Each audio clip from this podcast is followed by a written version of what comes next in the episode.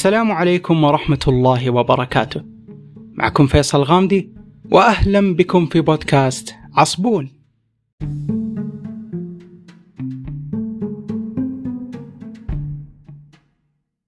إيش اللي يخلينا أذكى من المخلوقات الأخرى؟ ليش إحنا اللي ندرس الحيوانات مو هم اللي يدرسوننا؟ إيش اللي عطانا قدرة التفكير العظيمة هذه؟ هذه الأسئلة حاول يجاوبها ناس كثير جدا واختلفت النظريات والطرق لإجابة هذا السؤال. واليوم بنناقش بعض هذه النظريات بس بعدين بنتعمق في نظرية العالمة سوزانا هيركيولانو هاوزل عالمة الأعصاب البرازيلية.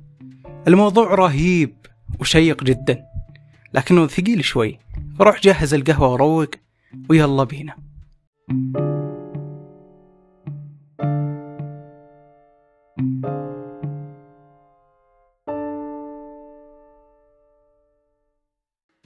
من يوم ما خلقنا على هذه الأرض وحتى الحين ما شفنا أي مخلوق أذكى مننا. وعلى مر التاريخ هذه الظاهرة حيرت علماء كثير. من أول النظريات اللي حاولت تفسر هذه الظاهرة كانت أنه حجم الدماغ يدل على قدرة المخلوق العقلية فكل ما كان الدماغ أكبر كل ما كان المخلوق أذكى. طبعا هذه النظرية كانت مقبولة لأننا كلنا نؤمن أن جميع الأدمغة لجميع المخلوقات تكونت بنفس الطريقة. فأدمغة بنفس الحجم أكيد بتشارك نفس عدد الخلايا واللي بدورها تعتبر وحدات المعالجة أو التفكير في الدماغ. فكل ما كثرت كل ما كان الدماغ أذكى. لو هذه النظرية صحيحة فالفيلة صاحبة الدماغ الأكبر من الإنسان والخلايا الأكثر بتكون أذكى لأن عندها خلايا عصبية أكثر. على هذا المنطق.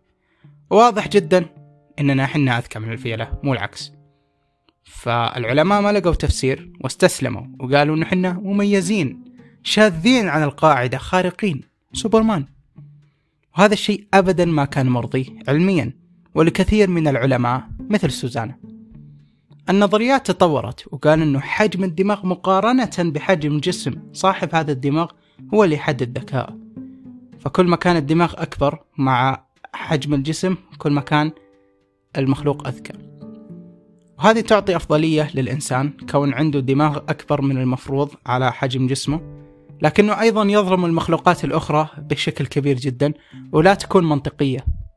فنفيت هذه النظرية أيضا.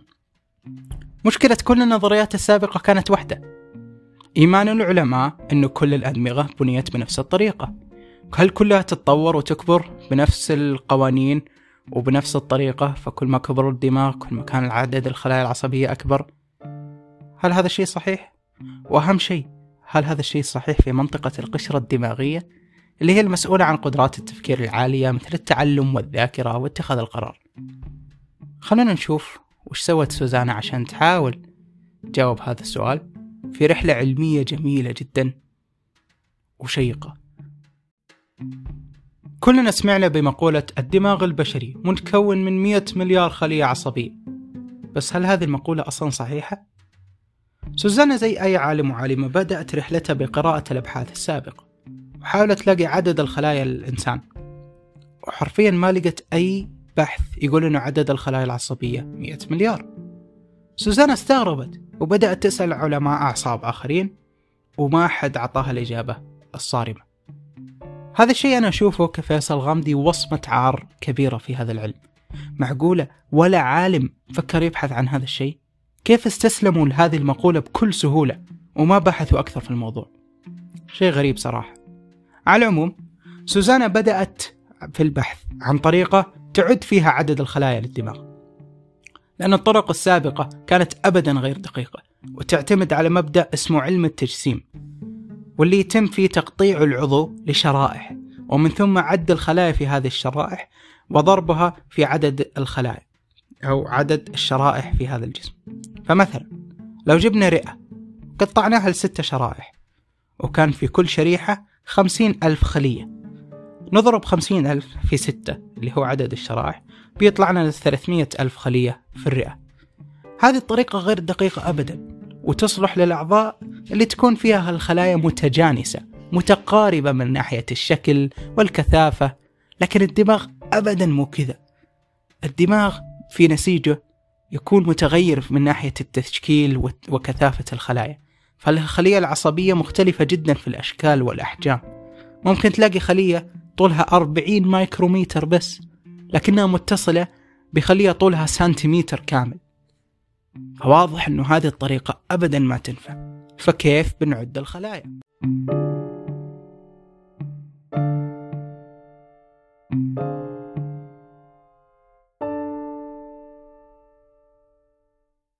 سوزانا فكرت ولقت طريقة غريبة جدا بس رائعة وتفاصيلها جميلة. سوزانا حولت الدماغ إلى حساء مرقة. طحنت الدماغ بعد تقطيعه لأجزاء صغيرة بعدين استخدمت بعض المواد الكيميائية لأزالة كل الخلايا الأخرى ما عدا الخلايا العصبية. ولا ما اكتفت بذا الشيء. دمرت الخلايا العصبية مع الإبقاء على النواة للخلية. بعد المراقبة وبعض العمليات الحسابية استنتجت سوزانا أنه عدد خلايا الدماغ البشري كان 86 مليار خلية. أنت ممكن تقول 86 و100 مليار مو فرق مرة واضح. لا 14 مليار خلية. هذه ممكن تكون لك دماغ كامل لبعض الحيوانات فلا تستهين أبدا بهذا الفرق. الحين بما أنه لقينا طريقة لعد الخلايا كان وقت المقارنة. بس ما بنبدأ بالإنسان بنبدأ ببعض الحيوانات. سوزانا كانت تبغى تعرف إذا فعلا كل الأدمغة تكونت بنفس الطريقة. فبدأت تقارن بعض الحيوانات من رتبة القوارض مثل الفيران وبعض الحيوانات من رتبة الرئيسيات مثل القردة وهنا كانت المفاجأة. في القوارض كل ما كبر حجم الدماغ حجم الخلايا العصبية نفسها يكبر. لكن هذه الظاهرة ما كانت موجودة عند الرئيسيات. فممكن يكبر حجم دماغ القرد لكن حجم الخلية ما يكبر لا عدد الخلايا هو اللي يكثر. فهنا أفضلية اقتصادية من ناحية المساحة وأيضا عدد الخلايا يكثر مع كبر حجم الدماغ. فهذه الظاهرة أعطت الأفضلية للحيوانات الرئيسية على القوارض. فأنت الحين ممكن تشوف دماغين بنفس الحجم واحد الواحد من القوارض واحد للقرد. عدد الخلايا في مخ القرد أكثر. خاصة في القشرة الدماغية والدماغ عموما. فبذلك يكون القرد أذكى من الفار. الآن نبغى نحط الإنسان في المعادلة. الإنسان عنده 86 مليار خلية 16 مليار منها في القشرة الدماغية. طبعا على فكرة ما في أي مخلوق عنده عدد خلايا في القشرة الدماغية أكثر من كذا. هذا اللي يخلينا أذكى من أي مخلوق في العالم. لكن إحنا نبغى نعرف ليش أصلا عندنا 16 مليار خلية. لو افترضنا إنه إحنا من القوارض على سبيل المقارنة وكل ما كبر حجم دماغنا كبرت خلاياه معاه فبتكون كتلة الدماغ 36 كيلو. وكتلة الجسم اللي بيقدر يتحمل هذا الدماغ بتكون 89 طن. هل قد شفت إنسان وزنه 89 طن؟ لا. إذا هنا دليل قاطع أنه مو كل الأدمغة بنيت بنفس الطريقة وإحنا أبدا ما نقدر نقارن نفسنا بالقوارض. لكن هل إحنا من الرئيسيات؟ طيب لو افترضنا أنه في حيوان رئيسي بدون ما ذكر أسماء عنده دماغ فيه 86 مليار خلية بناء على مواصفات التكون الدماغ في الرئيسيات ووزنها وجسمها. فبتكون كتلة الدماغ 1.24 كيلو وكتلة الجسم 66 كيلو. هل هذه الأرقام تذكرك بشيء؟ أي نعم. إحنا في الأخير مو مرة مميزين. ما زلنا في إطار الرئيسيات. صح انه شيء عجيب كيف دماغنا فيه 86 مليار وأيضا يقدر يتحمل الجسم الضخم هذا للإنسان. هذا الشيء اللي يخلينا مو مميزين بس خارقين للعادة في إطار الرئيسيات بس إحنا مو شاذين عن القاعدة. إحنا مو مرة سوبرمان لا. ما زلنا في إطار الرئيسيات. فالسؤال الحين ليش قدرنا نتقدم على باقي الرئيسيات؟ أو هل أصلا الرئيسيات هي اللي ما قدرت تتقدم وتخلفت للوراء وإحنا اللي بطريقة ما قدرنا نتقدم؟ الإجابة بعد الفاصل فاقعدوا معنا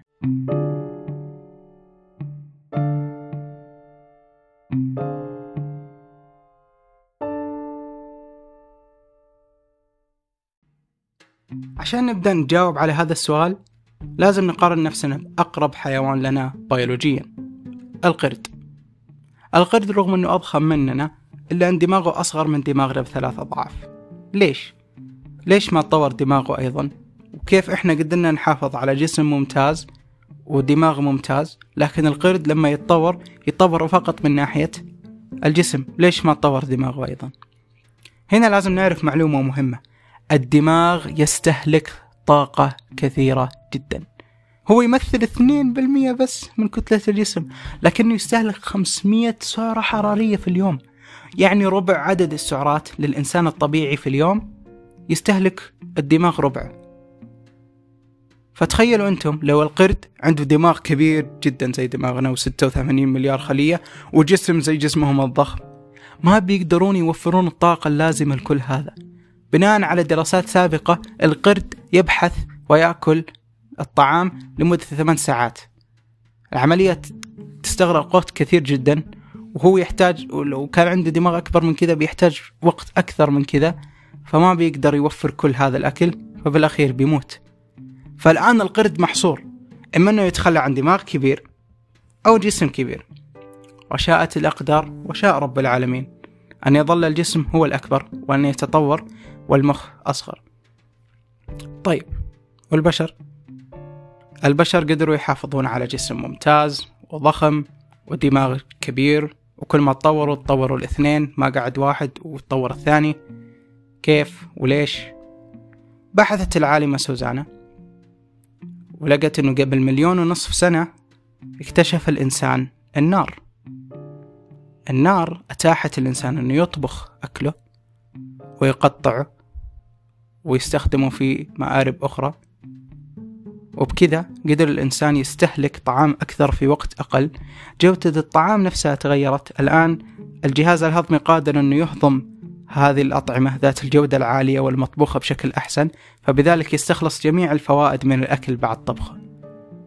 وهذا اللي خلاه قادر على أن يستهلك عدد هائل من السعرات اللي تكفي دماغه وجسمه. فأرجوك كل ما تدخل المطبخ قدر هذا المكان الجميل. هو السبب في كونك إنسان ذكي جدا.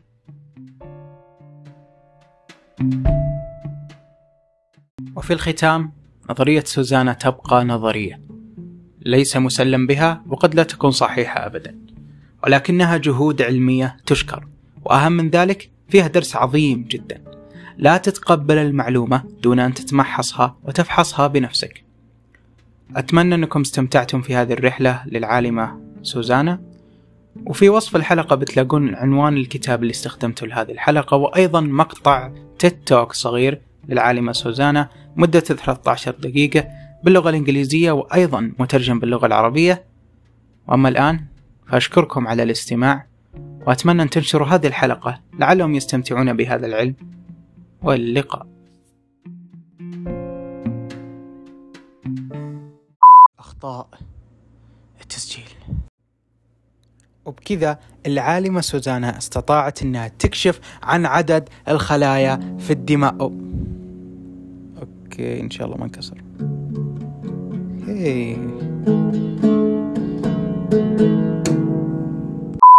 المشكلة الأساسية في كل النظريات السابقة أنه الأدغمة أو...